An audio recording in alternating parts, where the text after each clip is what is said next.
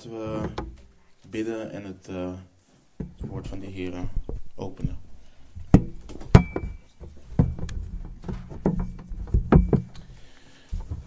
O Vader, we danken u, Vader, dat we u zo mogen bezingen, dat we uw genade zo mogen bezingen, Heer. En dat we mogen zingen dat onze Heer Jezus Christus alles is. En o Heer, de hoop die we hebben, Heer, wanneer we zingen dat we bijna thuis zijn, Heer. Dat het leven slechts een damp is, Heer. En wat zien we uit naar die dag, Heer, dat we U mogen zien en dat we met U mogen zijn. En Heer, zo we nu Uw woord ook zullen openen, bidden we en vragen we om een zegen. We bidden en we vragen, Heer, dat U spreekt door Uw woord, Heer. En dat U en ieder van ons opbouwt, bemoedigt, eh, vermaant als dat nodig is, Heer. Dat U geeft wat wij geestelijk nodig hebben, Heer. We houden van U. We danken U en bidden en vragen in Jezus' naam. Amen. We bevinden ons inmiddels um, in uh, week 7 van onze serie Een Sterk Huis. Na het leggen van een uh, stevig fundament zijn we drie weken geleden begonnen met inhoudelijk te kijken naar het huis. Uh, in onze introductie van Bijbelse mannelijkheid en vrouwelijkheid hebben we gekeken naar de overeenkomsten tussen man en vrouw. In zowel schepping uh, naar het evenbeeld van de Heer uh, als in zaligmaking. We hebben ook gekeken naar het feit dat man en vrouw fundamenteel verschillend zijn in hoe ze zijn geschapen en wat hun rol is.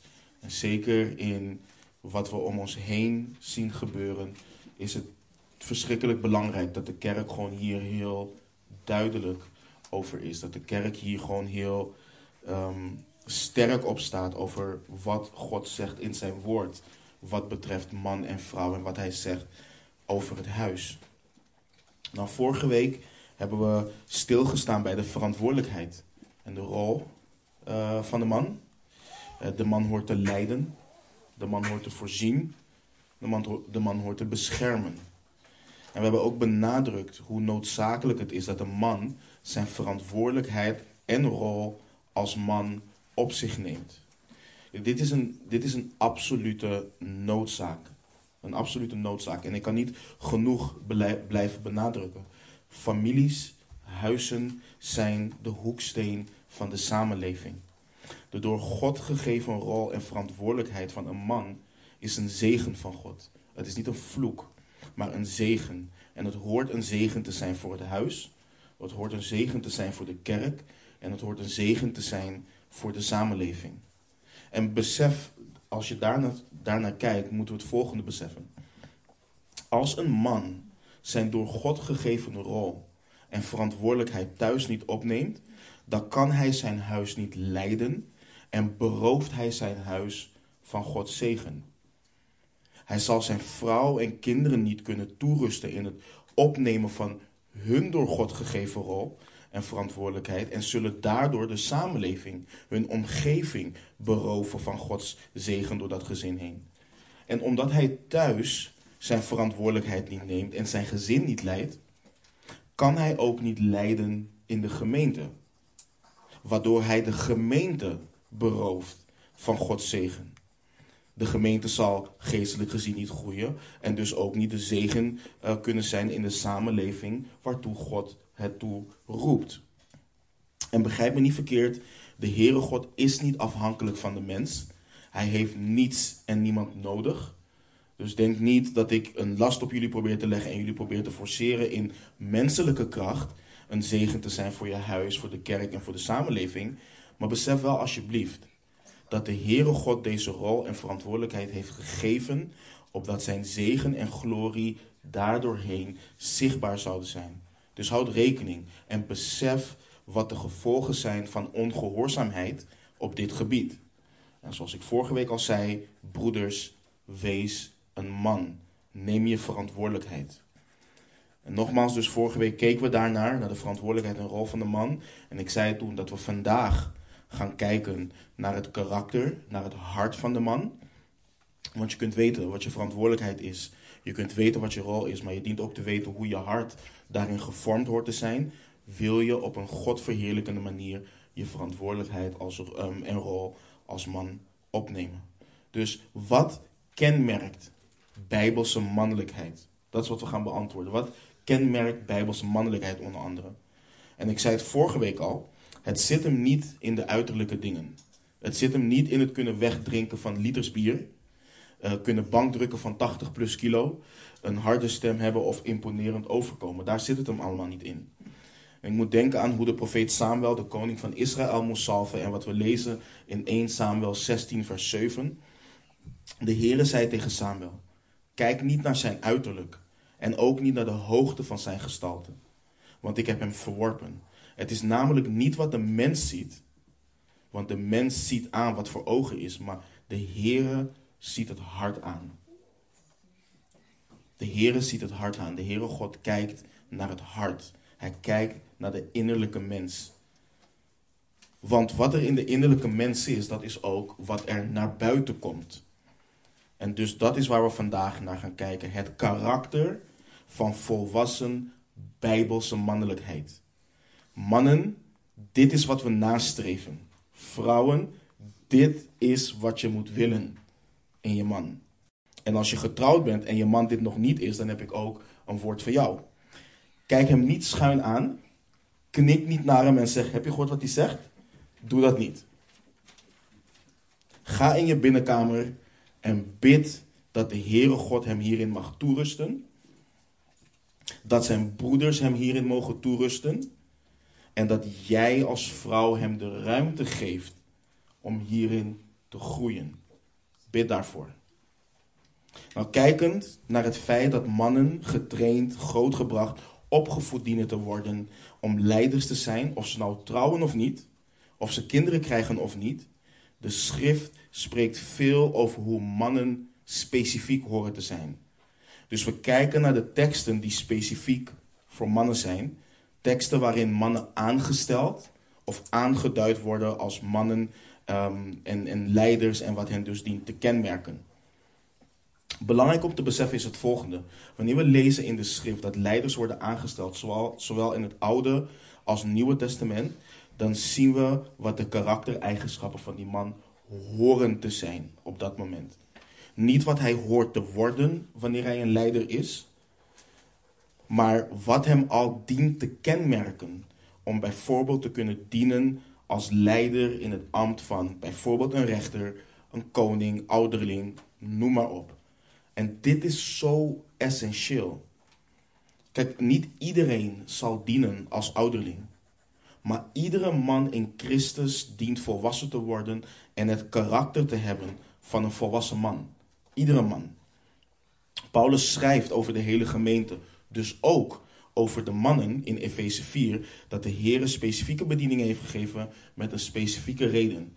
We zien Efeze 4 vanaf vers 12 lezen we om de heiligen toe te rusten, tot het werk van dienstbetoon, tot opbouw van het lichaam van Christus, totdat wij allen komen tot de eenheid van het geloof en van de kennis van de Zoon van God, tot een volwassen man, tot de maat van de grootheid van de volheid van, van de grootte van de volheid van Christus.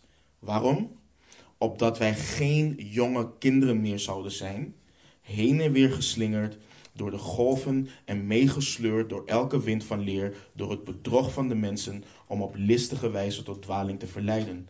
Maar dat wij, door ons in liefde aan de waarheid te houden, in alles toe zouden groeien naar Hem die het hoofd is, namelijk Christus.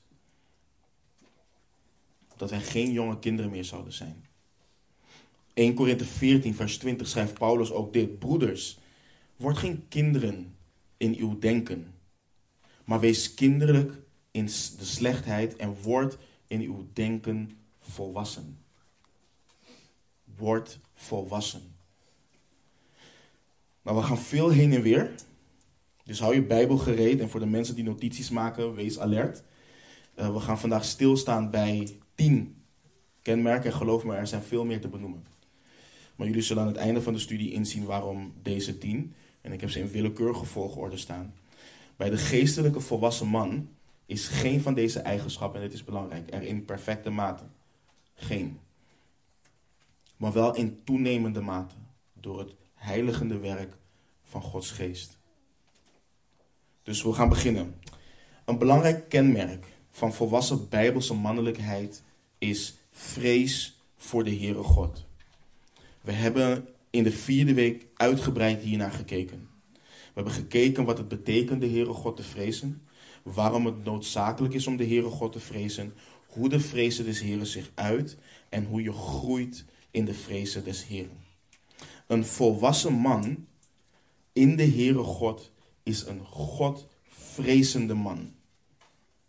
Is een Godvrezende man. Hij is niet onverschillig. Denk aan toen Mozes leiders moest aanstellen over het volk. Exodus 18. Vanaf vers 17 lezen we het volgende. Maar de schoonvader van Mozes zei tegen hem: Wat je doet is niet goed. Je zult er zeker aan bezwijken. Zowel jij als dit volk dat bij je is, want dit is te zwaar voor je. Je kunt dit niet alleen doen. Luister nu naar mijn stem. Ik zal je raad geven en God zal met je zijn. Jij moet het volk bij God vertegenwoordigen en jij moet de zaken voor God brengen. Je moet hun de verordeningen en de wetten voorhouden en hun de weg bekendmaken waarop zij moeten gaan en het werk dat zij moeten doen. Jij echter, jij moet daarnaast onder heel het volk omkijken naar bekwame mannen, godvrezende, betrouwbare mannen die een afkeer hebben van winstbejag. Je moet leiders over duizend, leiders over honderd, leiders over vijftig en leiders over tien over hen aanstellen. Zij moeten altijd over dit volk oordelen. Maar laat het zo zijn dat zij elke grote zaak bij jou brengen en zelf over elke kleine zaak oordelen. Maak het zo voor jezelf lichter en laat hen die last samen met je dragen. In vers 21 lezen we dat Mozes naar Godvrezende mannen moet omkijken. Deze mannen, deze, deze mannen die leiders zouden zijn, die zouden rechtspreken, die, deze mannen dienden de Heere God te vrezen. Ze dienden eerbiedig ontzag voor de Heere God te hebben.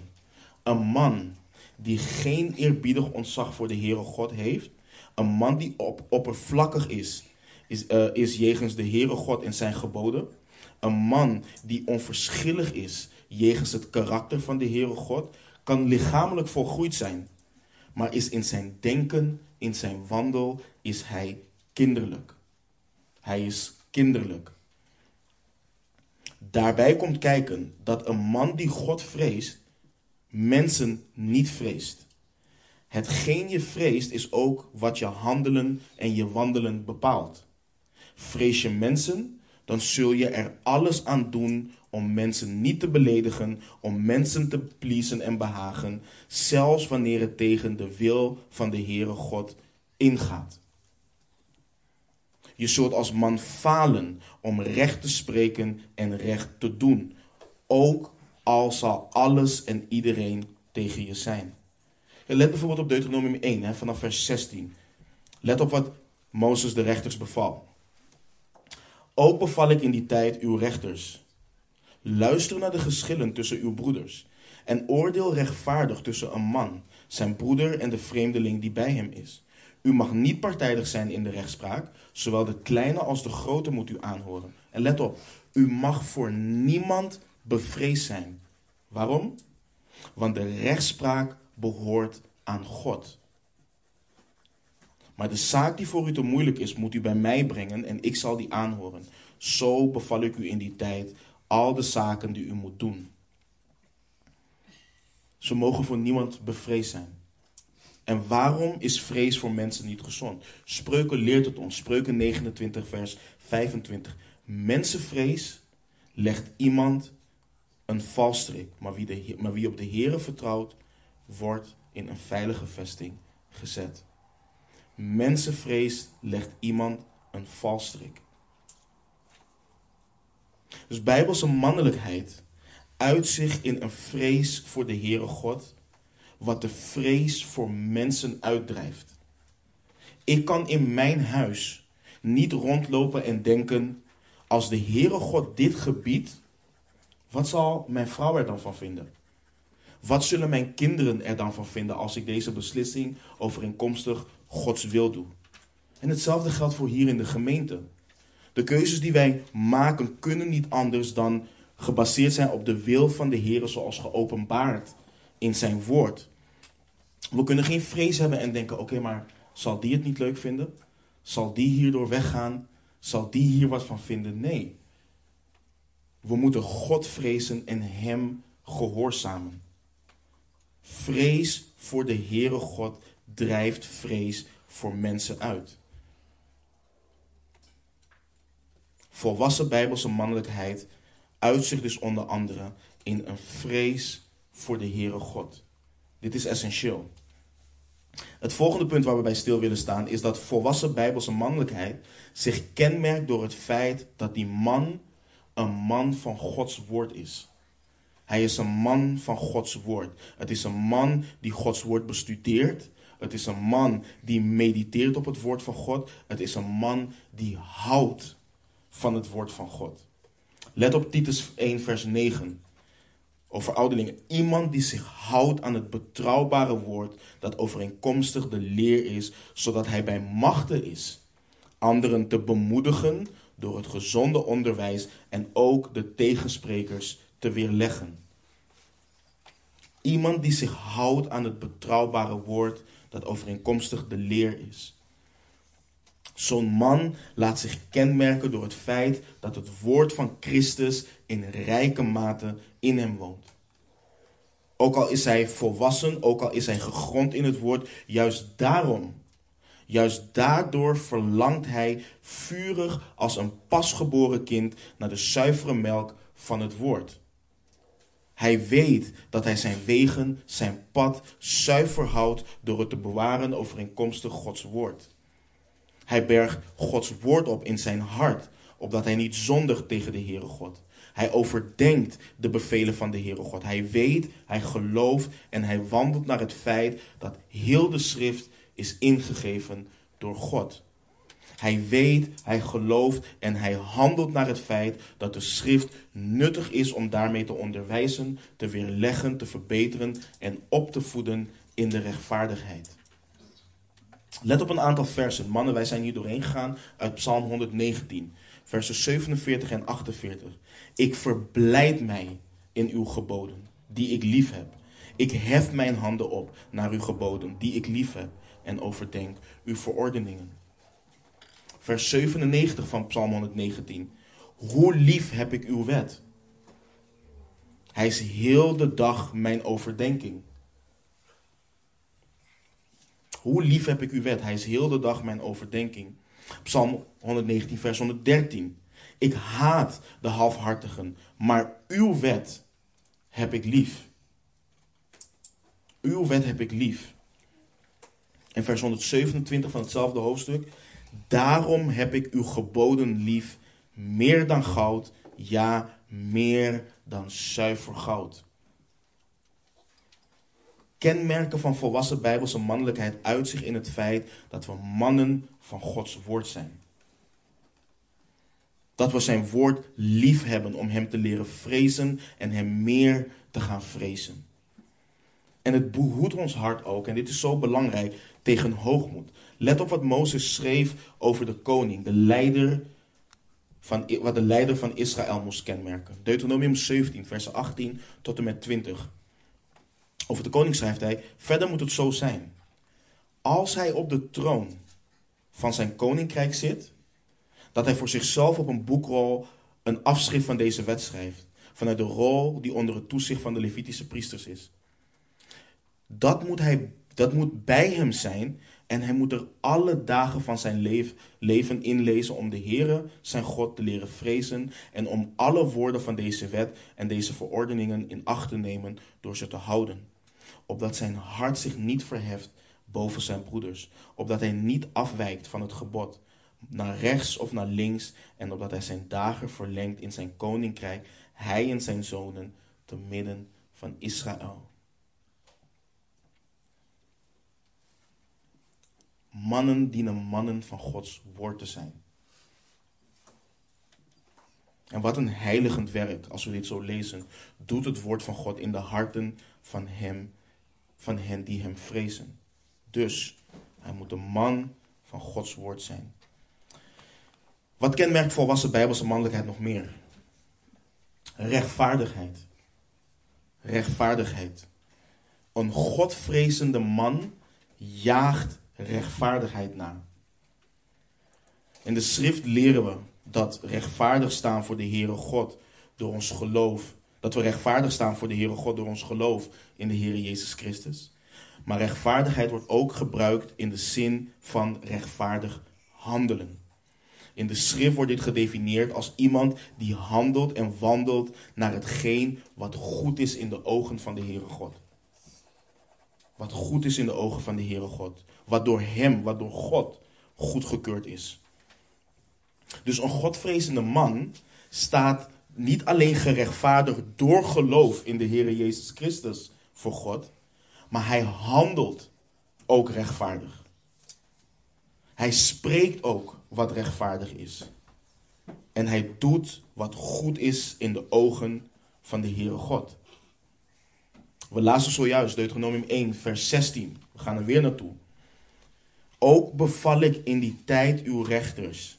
Luister naar de geschillen tussen uw broeders en oordeel rechtvaardig tussen een man, zijn broeder en de vreemdeling die bij hem is.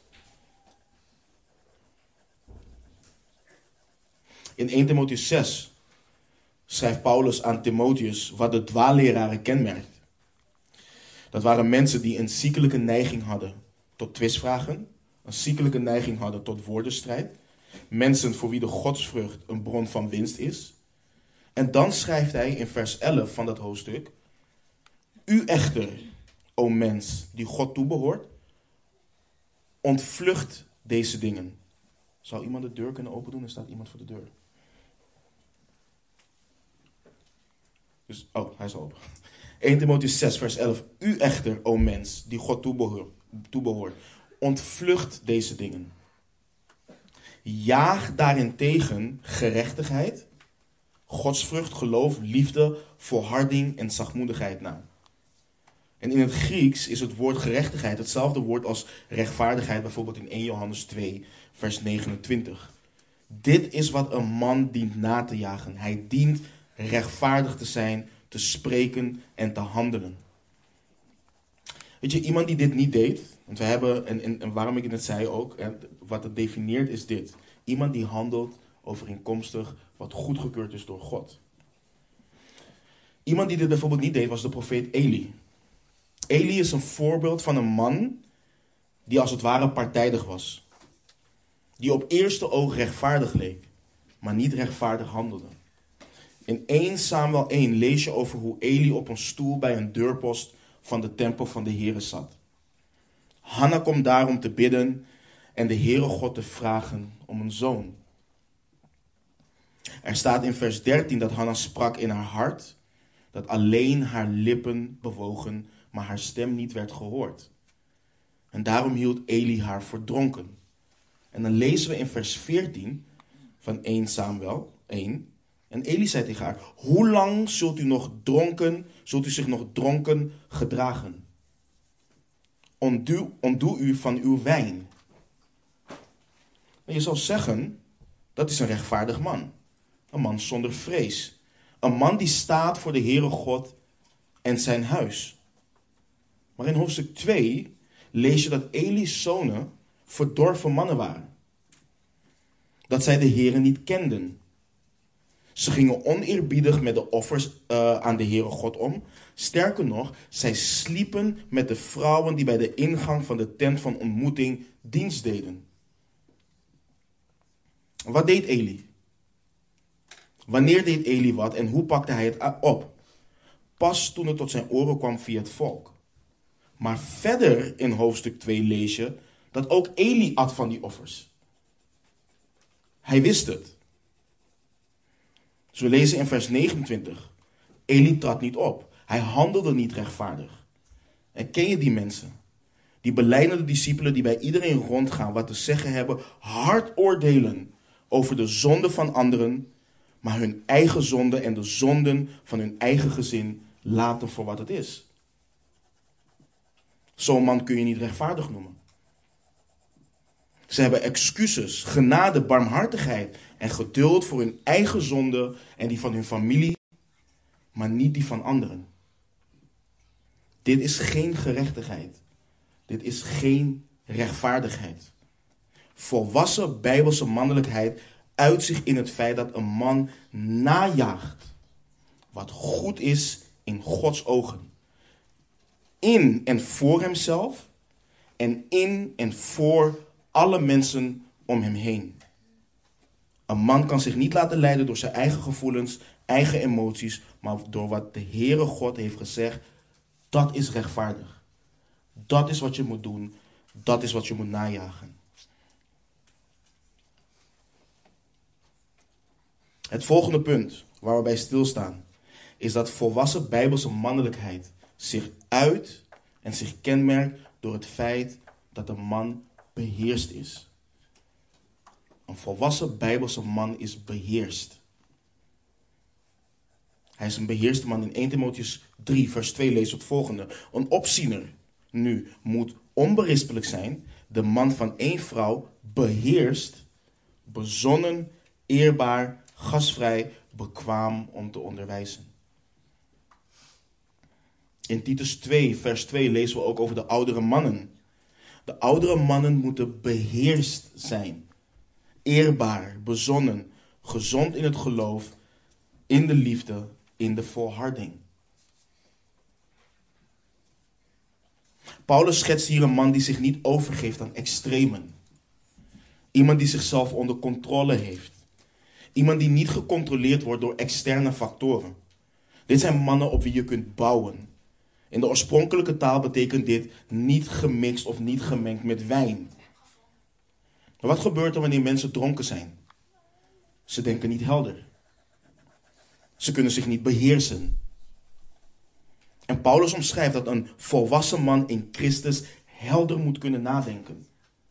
Hij moet beheerst zijn. Dit, dit is niet iemand die leeft en zich laat leiden door zijn gevoelens. Dit is geen man die zich kenmerkt of laat kenmerken door mood swings. Het ene moment schiet hij hard uit zijn plaat en het andere moment is hij de kalme hemzelf. Hij is geen impulsieve man. Hij is beheerst in ieder aspect van het leven. Hij is een man die zich kan beheersen als het gaat om geld, als het gaat om seksualiteit, om macht, om eten, zijn emoties, hoe hij zijn tijd besteedt. Hij laat zich niet beïnvloeden en meeslepen door de gedachten en emoties van een meerderheid, maar blijft staan op de wijsheid en waarheid van de Heere God. In Spreuken 25, 28 lezen we het volgende. Zoals een opengebroken stad zonder muur, zo is een man die zijn geest niet in bedwang houdt. Zoals een opengebroken stad zonder muur, zo is een man die zijn geest niet in bedwang houdt. Wanneer je kijkt naar een opengebroken stad zonder muur, waar spreekt dat van? Een stad die kwetsbaar is. Een stad die wagenwijd open staat voor, voor aanvallen van vijanden rondom die stad. Er is geen stabiliteit, er is geen veiligheid. Zo is het ook met een man die zichzelf niet kan beheersen. Een man die zijn geest niet in bedwang kan houden, een man die niet beheerst is, is niet stabiel en is niet veilig. Hij is kwetsbaar en daarmee ook dus de mensen om hem heen. Weet je wat voor een zegen een man die zich kan beheersen is voor het huis, voor de kerk en voor de samenleving? We zien in de Tweede Kamer alleen maar mensen die zich niet kunnen beheersen. En kijk naar onze samenleving. Het biedt geborgenheid en stabiliteit in het huis, in de kerk en in de samenleving. Ons volgende punt. Volwassen bijbelse mannelijkheid uit zich ook in een man die een afkeer heeft van winstbejag. Met andere woorden, een man die niet geldzuchtig is en een man die niet hebzuchtig is. Let op een aantal versen. We kijken eerst naar Exodus 18, vers 21. We hebben hem net al gelezen. Jij echter, jij moet daarnaast onder heel het volk omkijken naar bekwame mannen, godvrezende, betrouwbare mannen die een afkeer hebben van winstbejag. Je moet leiders over duizend, leiders over honderd, leiders over vijftig en leiders over tien over hen aanstellen. Aan Timotheus schrijft Paulus hetzelfde, maar op andere wijze. In 1 Timotheus 3, vers 2, laten we vers 2 voor de volledigheid ook erbij pakken. Een opziener nu moet onberispelijk zijn. De man van één vrouw, beheers, bezonnen, eerbaar, gasvrij, bekwaam om te onderwijzen, niet verslaafd aan wijn, niet vechtlustig, niet uit op schandelijke winst, maar welwillend, niet strijdlustig en zonder geldzucht. Ik herhaal voor de goede orde, onthoud wat er in 1 Timotheus 3 wordt omschreven. De man die hiervoor in aanmerking komt voor dat ambt is een volwassen man. Een volwassen man in Christus. Hij moet zonder geldzucht zijn. Let ook op wat Mozes zegt over de koning van Israël. Wat dient hem wel en niet te kenmerken, Deuteronomium 17, vers 17. Ook mag hij voor zichzelf niet veel vrouwen nemen, anders zal zijn hart afwijken. Hij mag voor zichzelf ook niet al te veel zilver en goud nemen.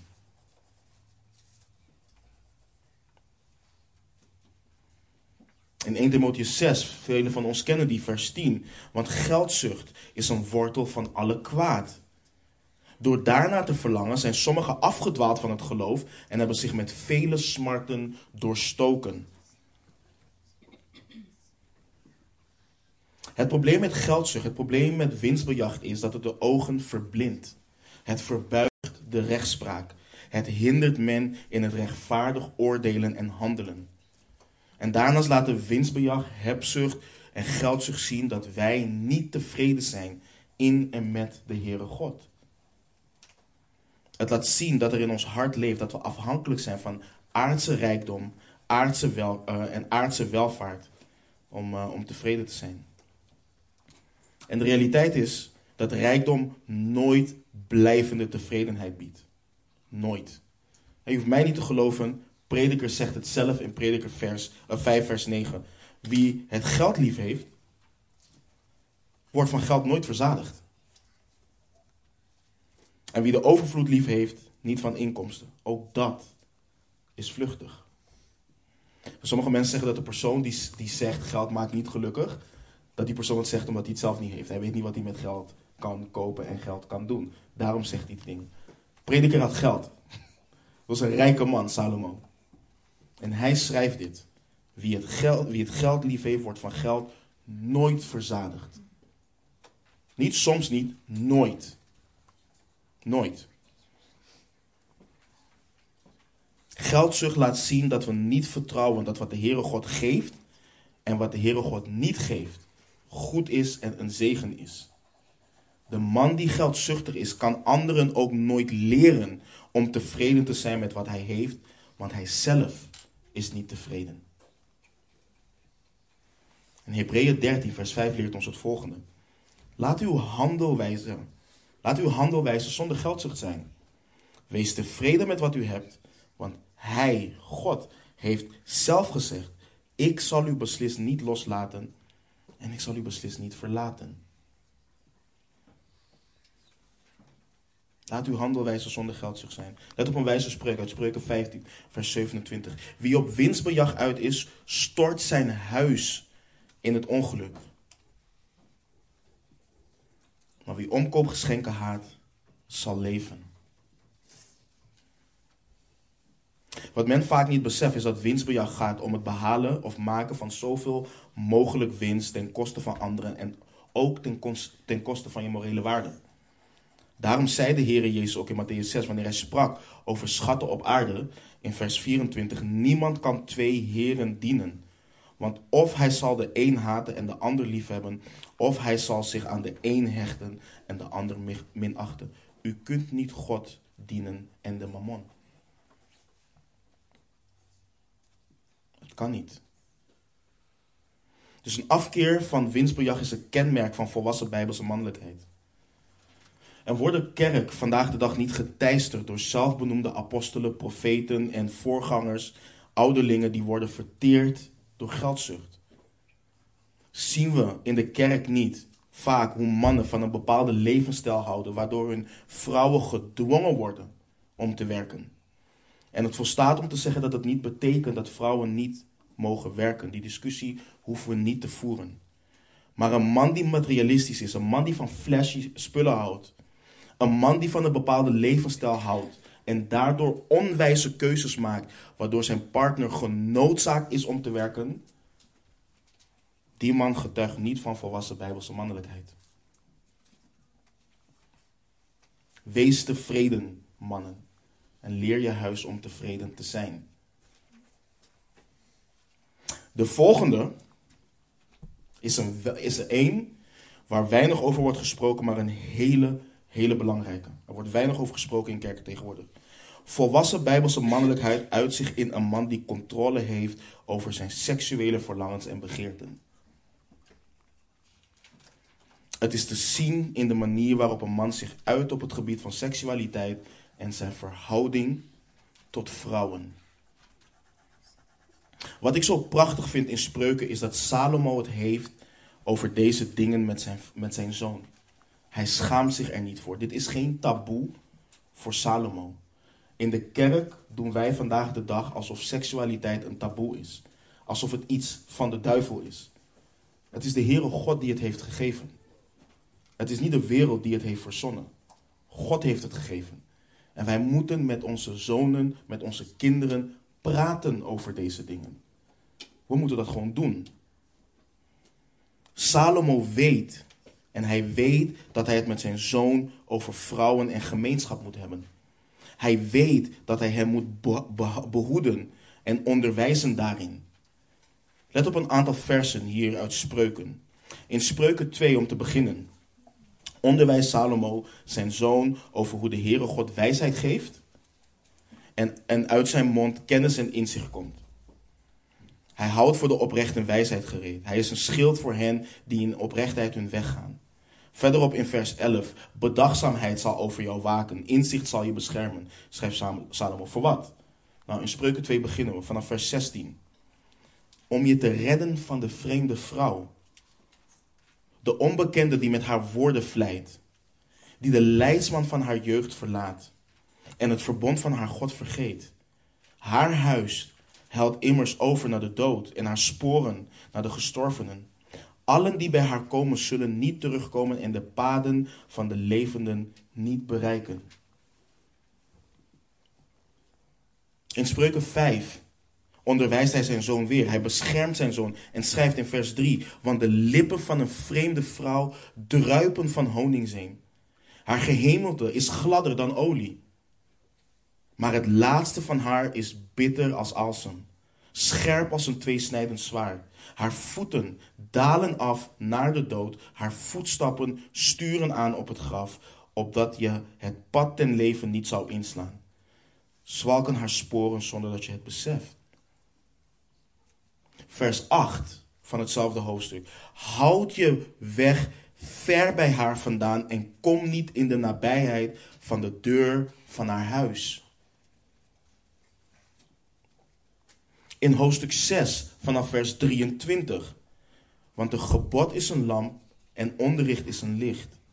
Bestraffing, bestraffingen en vermaning zijn de weg van het leven om je te bewaren voor een slechte vrouw. Voor het gevlei van de tong van een onbekende. Begeer haar schoonheid niet in je hart en laat ze je niet vangen met haar oogleden. Want door een vrouw die een hoer is, komt men tot een hombrood en de vrouw van een getrouwde man jaagt op een kostbare ziel.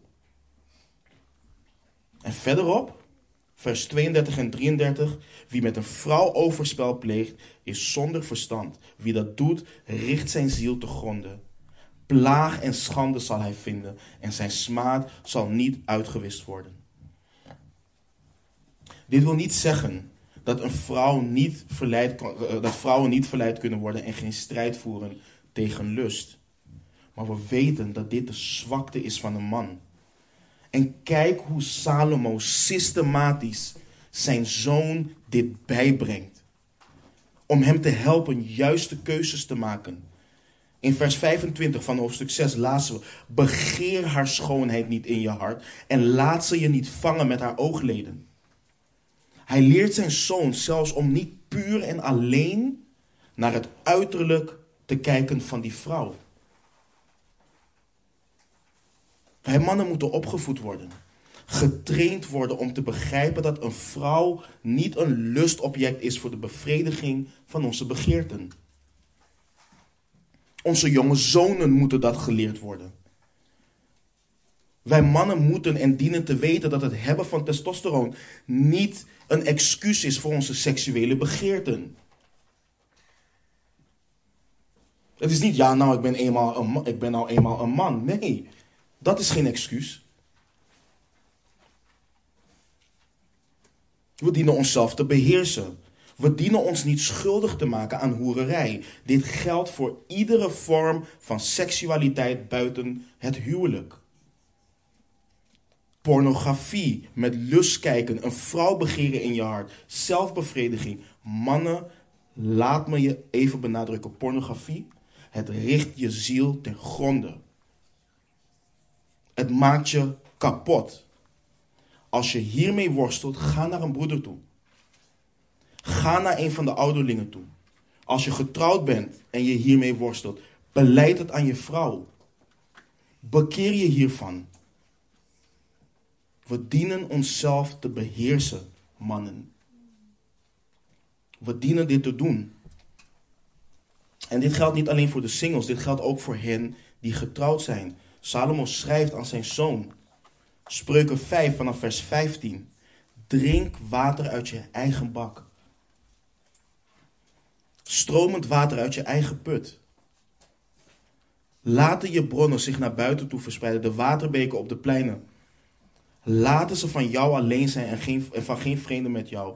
Mogen je levensbron gezegend zijn en verblijd je over de vrouw van je jeugd. Een zeer lieflijke hinde.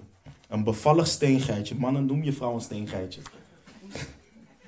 Laat haar borsten jou te alle tijden dronken maken. Dool voortdurend rond in haar liefde. Waarom? Waarom zou je mijn zoon ronddolen bij een vreemde vrouw, de boezem van die onbekende omarmen?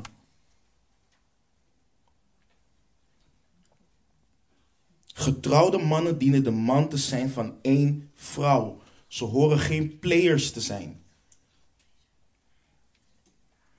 Ze horen niet rond te gaan en zich in te laten met allerlei verschillende vrouwen.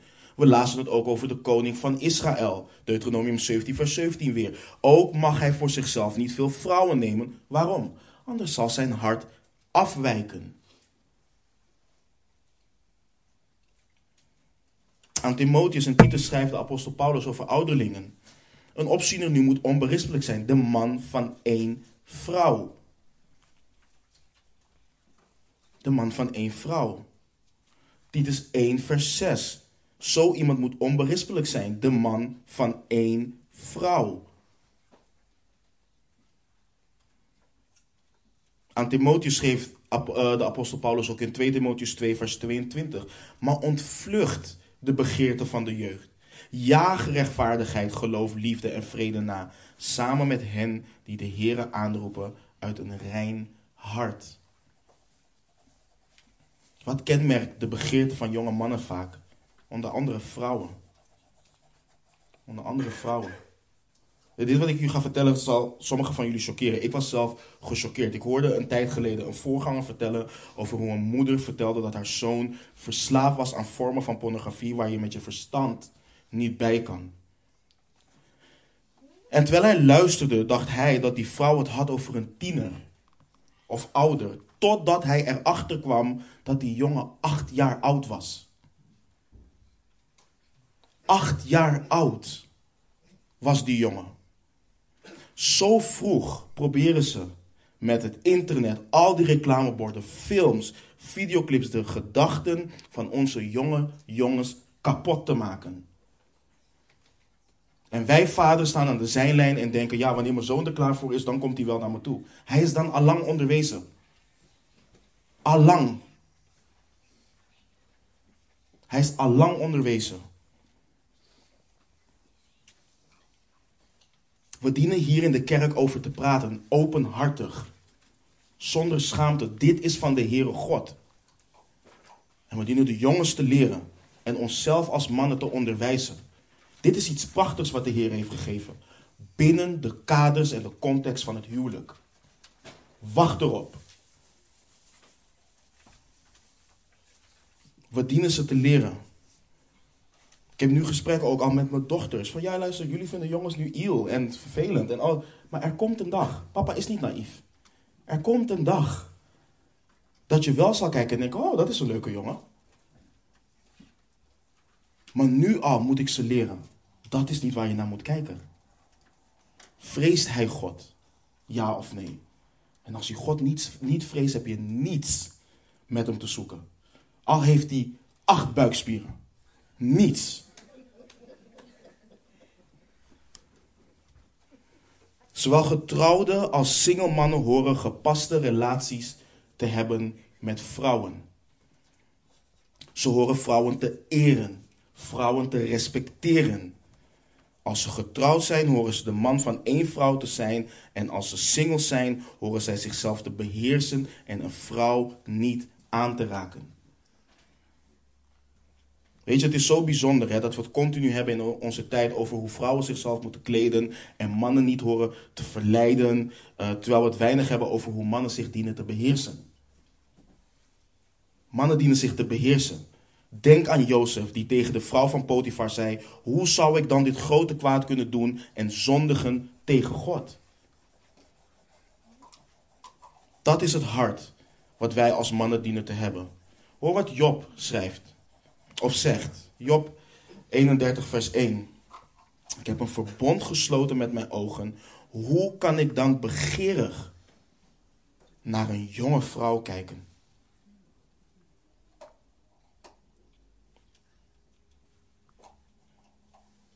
een verbond gesloten met zijn ogen. De Heer Jezus zei ook al dat wie naar een vrouw kijkt om haar te begeren in zijn hart al overspel met haar gepleegd heeft.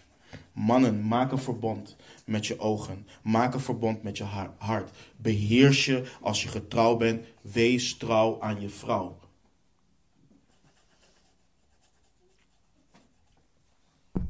Het volgende punt. Een belangrijk kenmerk van volwassen bijbelse mannelijkheid is betrouwbaarheid. Betrouwbaarheid, trouw. Nog een keer, waar, waar moest Mozes naar omzien? Exodus 18, vers 21. Jij echter, jij moet daarnaast onder heel het volk omkijken naar bekwame, godvrezende, betrouwbare mannen. Betrouwbare mannen. Dit zijn loyale mannen, eerlijke mannen. Mannen die je kunt vertrouwen op hun woord. Mannen die niet liegen. Mannen waarvan je weet dat hun ja ja is en hun nee nee is. We hebben het hier over een man die integer is. Die niet tegen anderen zegt wat hij niet tegen jou direct in je gezicht zou zeggen. Het is een man die niet roddelt. Je kunt bouwen op zo'n man. Er hangt geen mysterie rondom deze man. Je weet wat je aan hem hebt. Hij is niet vaag, maar hij is juist heel transparant en duidelijk. En dit is zo belangrijk, want onze God is betrouwbaar. En wij mannen dienen net als onze God betrouwbaar te zijn. Wanneer een broeder of een zuster komt en vraagt om advies, dan moet hij of zij zeker weten dat je woord betrouwbaar is. Dat je geen leugens blaast, maar dat wat uit je mond komt eerlijk en oprecht is. Men moet in vertrouwen zaken bij je kunnen neerleggen en weten en vertrouwen dat je daar op een eerbare manier mee omgaat. Dat je iemand niet beschaamt en iemand niet lastert. Spreuken, vers, uh, Spreuken 4, vers 24 leert ons. Doe weg van jouw valsheid van mond en houd bedrog van lippen ver van je verwijderd. Getrouwde mannen, wees eerlijk tegen je vrouw. Wees betrouwbaar. Vaders, wees trouw en betrouwbaar tegen je kinderen. Kom je beloften na. Als je je beloften niet kan houden, maak ze niet. Maak ze niet. Zorg ervoor dat je kinderen je kunnen vertrouwen. Zorg ervoor dat je betrouwbaar bent en dat je kinderen niet hoeven te twijfelen. Spreekt mijn vader de waarheid tegen mij? Wees betrouwbaar. Ons volgende uh, punt is dat volwassen bijbelse mannelijkheid zich ook uit en kenmerkt in een man die niet strijd en vechtlustig is. Een man die niet strijd en vechtlustig is. Weer 1 Timotheus 3, versen 2 en 3. Een opziener nu moet onberispelijk zijn, de man van één vrouw, beheerst, bezonnen, eerbaar, gastvrij, bekwaam om te onderwijzen, niet verslaafd aan wijn, niet vechtlustig, niet uit op schandelijke winst, maar welwillend, niet strijdlustig en zonder geldzucht. Aan Titus schrijft hij in, in Titus 1, vers 7. Want een opziener moet berispelijk zijn als een beheerder van het huis van God. Niet eigenzinnig, niet opvliegend, niet verslaafd aan wijn, niet vechtlustig en niet uit op oneerlijke winst. Dit spreekt, dit spreekt van een persoon die niet snel geneigd is tot woede, tot boosheid. Dit spreekt van een man die niet uit is op twist en erop uit is iedere discussie aan te gaan en die te winnen. Een man die strijdlustig is en vechtlustig is, is twistziek. Hij houdt van discussies. Hij kikt erop. Een man die strijd en vechtlustig is, wordt ook gekenmerkt door het feit dat hij vaak wrok koestert. Hij blijft lang boos. En hoe uit dit zich? Hij negeert zijn vrouw en of zijn kinderen wanneer hij boos is. Hij negeert zijn broeders en zusters wanneer hij boos is. Hij kan niet vergeven, hij wil niet vergeven, maar blijft vasthouden aan zijn boosheid en ziet niet in dat hij zelf zondigt hierin.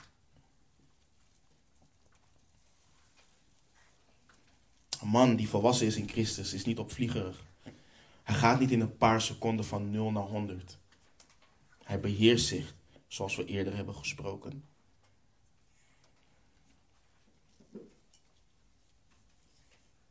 Wat kenmerkt een volwassen Bijbelse man nog meer?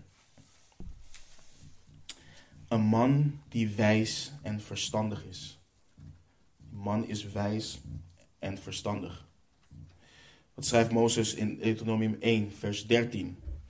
Geef voor uzelf ingedeeld naar uw stammen wijze, verstandige, ervaren mannen. Dan zal ik hen tot hoofd over u aanstellen. Volwassen bijbelse mannelijkheid uit zich in een man die wijsheid najaagt. Die inzicht najaagt. Die verstandig wilt zijn. En er is een groot verschil tussen wijsheid en kennis. Kijk naar de wereld van vandaag. De wereld heeft veel kennis. Maar wat is de wereld dwaas? Kennis is weten dat je iets kunt doen. Wijsheid is weten hoe, wanneer en waarom je iets wel en niet moet doen.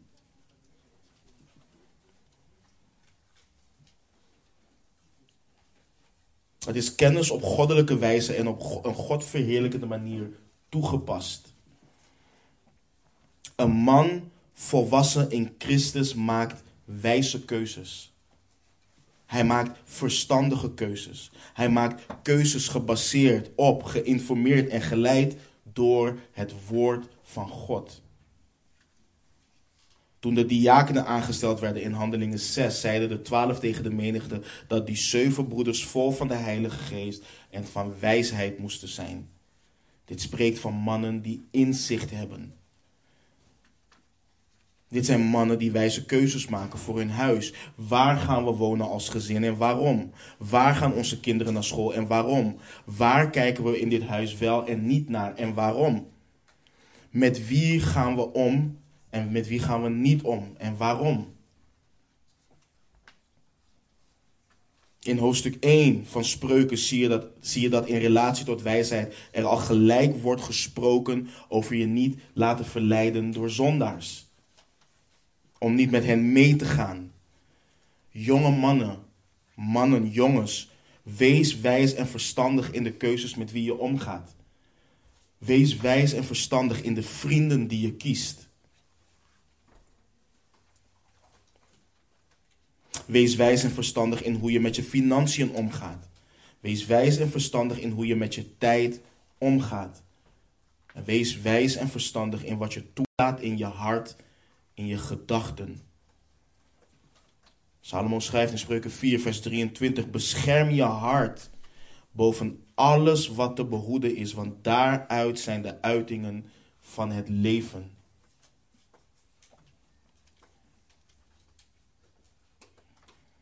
Want je, alle keuzes, mannen die getrouwd zijn, welke kerk, welke gemeente sluiten we ons aan? Waarom? Dat zijn wijze keuzes die mannen dienen te nemen en moeten kunnen nemen. En het laatste punt waar we vandaag bij stilstaan is een relatie tot wat we vorige week hebben behandeld in het begin. Maar de schrift gebiedt me om dit weer te benadrukken, om hier weer bij stil te staan. Volwassen bijbelse mannelijkheid uit zich in het feit dat een man leiding geeft. Het uit zich in, in het feit dat een man leiding geeft, dat hij het goed doet. En je ziet deze eerder in de getrouwde mannen dan de single mannen. Maar waar het op neerkomt is dat, een man, is dat het een man is die zijn door God gegeven verantwoordelijkheid op zich heeft genomen. 1 Timotheus 3 vers 4. Hij moet goed leiding geven aan zijn eigen huis, zijn kinderen onderdanig houden in alle waardigheid. Titus 1 vers 6.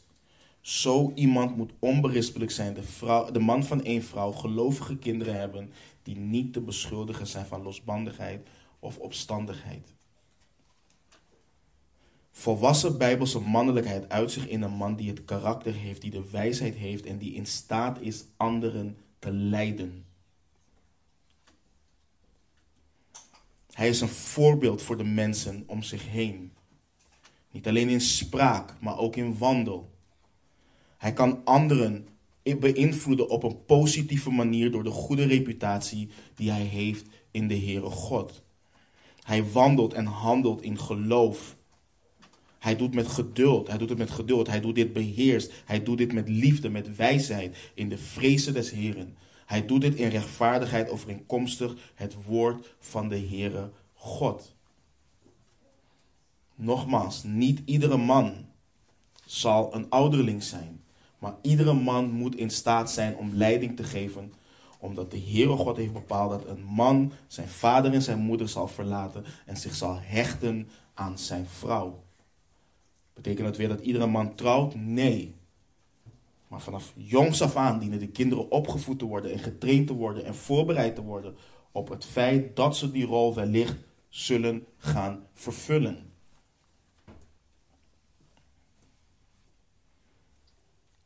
Een man moet kunnen leiden, hij moet keuzes kunnen maken en staan achter die keuzes, gebaseerd op Gods woord. Ook, ook als alles en iedereen tegen hem is. Als Gods woord dit zegt, dan is dit wat ik doe. Dat dient zo'n man te kenmerken. Dus waar hebben wij bij stilgestaan? Volwassen bijbelse mannelijkheid uit zich in een vrees voor God. Dat je een man van Gods woord bent. Dat je rechtvaardig bent. Dat je beheerst bent. Dat je een afkeer hebt van winstbejacht. Dat je je seksuele verlangens kunt beheersen. Dat je betrouwbaar bent. Dat je niet strijdlustig en vechtlustig bent. Dat je wijs en verstandig bent. En dat je leidt is dit alles? Nee. Maar we hebben specifiek gekeken naar de teksten en de karaktereigenschappen die verbonden zijn aan mensen, aan mannen en dus ook aan mannelijke leiders in de schrift. Kijk, een man hoort uiteraard ook gekenmerkt te worden door de vrucht van de geest. Dat, dat, dat, dat volstaat. Maar als we het specifiek hebben over volwassen bijbelse mannelijkheid, bijbelse mannelijkheid, dan hebben we het onder andere over punten die we zojuist hebben benoemd. Mannen, nogmaals, dit is wat je wilt nastreven. Dit is wat je moet nastreven. Dit is waar je naartoe moet groeien. Dit is wat je de broeders die volwassen zijn in de gemeente in je moet laten gieten. Laat ze je hierin discipelen. Laat ze je hierin onderwijzen. Ouders van zonen, ga hiermee aan de slag. Leer je jongens dit vanaf jongs af aan. Leer ze dat, ze de Heer, dat de Heere God leert wat een echte man is. Dat ze dat niet kunnen leren van de televisie. Niet op die telefoon, niet op die iPad, niet hun vrienden en zeker niet in de maatschappij. Want de maatschappij weet vandaag niet eens wat een man en een vrouw is. Dus ze kunnen je jongen ook niet leren om een man te zijn. Dit ligt bij jullie thuis. Dit ligt bij ons thuis. En misschien denken sommige vrouwen nu die single zijn: ik ga nooit trouwen. Vrouwen, zusters, we leven in een tijd waarin weinig tot geen aandacht wordt geschonken aan deze dingen. Je kerken zijn meer bezig met hun ledenlijst, proberen mannen in de kerk te houden met motorclubs en bierbrouwerijen, in plaats van mannen bijbelsdiscipelen, opdat ze hun vader en moeder kunnen verlaten en zich kunnen hechten aan hun vrouw. Zusters, laat me jullie ergens voor behoeden. Neem geen genoegen met een man die hier niets van laat zien, maar beleidt een christen te zijn. Denk niet dat jij hem deze dingen gaat kunnen bijbrengen. Vind je een man die Christus beleidt leuk? Laat je broeders hem beproeven. Laat hem optrekken met de broeders. Laat hem gevormd worden en het hart hebben om gediscipeld te worden. Als hij dat niet heeft, als hij dat niet wil, heb je niets met hem te zoeken. Niets. Loop met een boog van kilometers om hem heen. Want dat is geen schaap van Christus, maar een wolf in schaapskleding. En vrouwen, onthoud dit. Je dient de vrouw van de man te worden. Niet zijn moeder die hem gaat in, opvoeden in Christus. Zijn vrouw dien je te worden. Dus als hij deze dingen niet heeft, denk niet, oh misschien wil God mij gebruiken om hem volwassen te maken. Nee.